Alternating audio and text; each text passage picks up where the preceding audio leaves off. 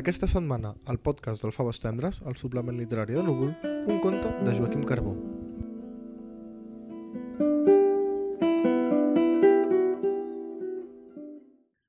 Rient, rient,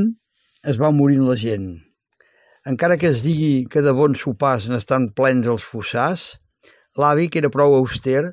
ha mort quan tothom creia que encara li quedava molta corda, molta vida pel davant. Contradictori com era,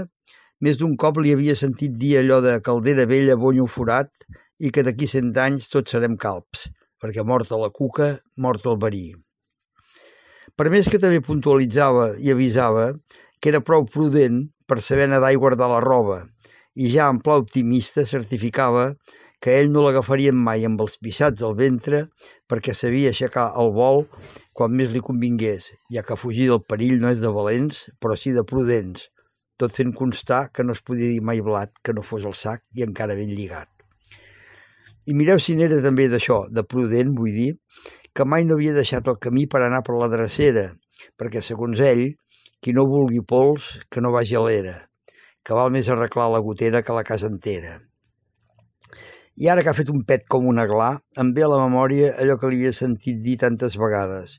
Viure i viure podràs, però de la mort no t'escaparàs. I no te n'has escapat, avi, per més que hagis fet una vida de formigueta, de casa a la feina i de la feina a casa, i que hagis estat un arxiu vivent d'auques, rodolins i frasis fetes més aviat macarròniques que t'han servit per deixar anar una sentència cada cop que has obert la boca per enfrontar-te a algun problema, sobretot amb la família, que és l'únic indret on has aixecat la veu exercint una mena de poder absolut quan l'àvia no hi era, naturalment. I no pas a la feina, perquè sempre es diu que la roba bruta s'havia de rentar a casa i que amb boca tancada no hi entren mosques, que qui tot ho vol, tot ho perd,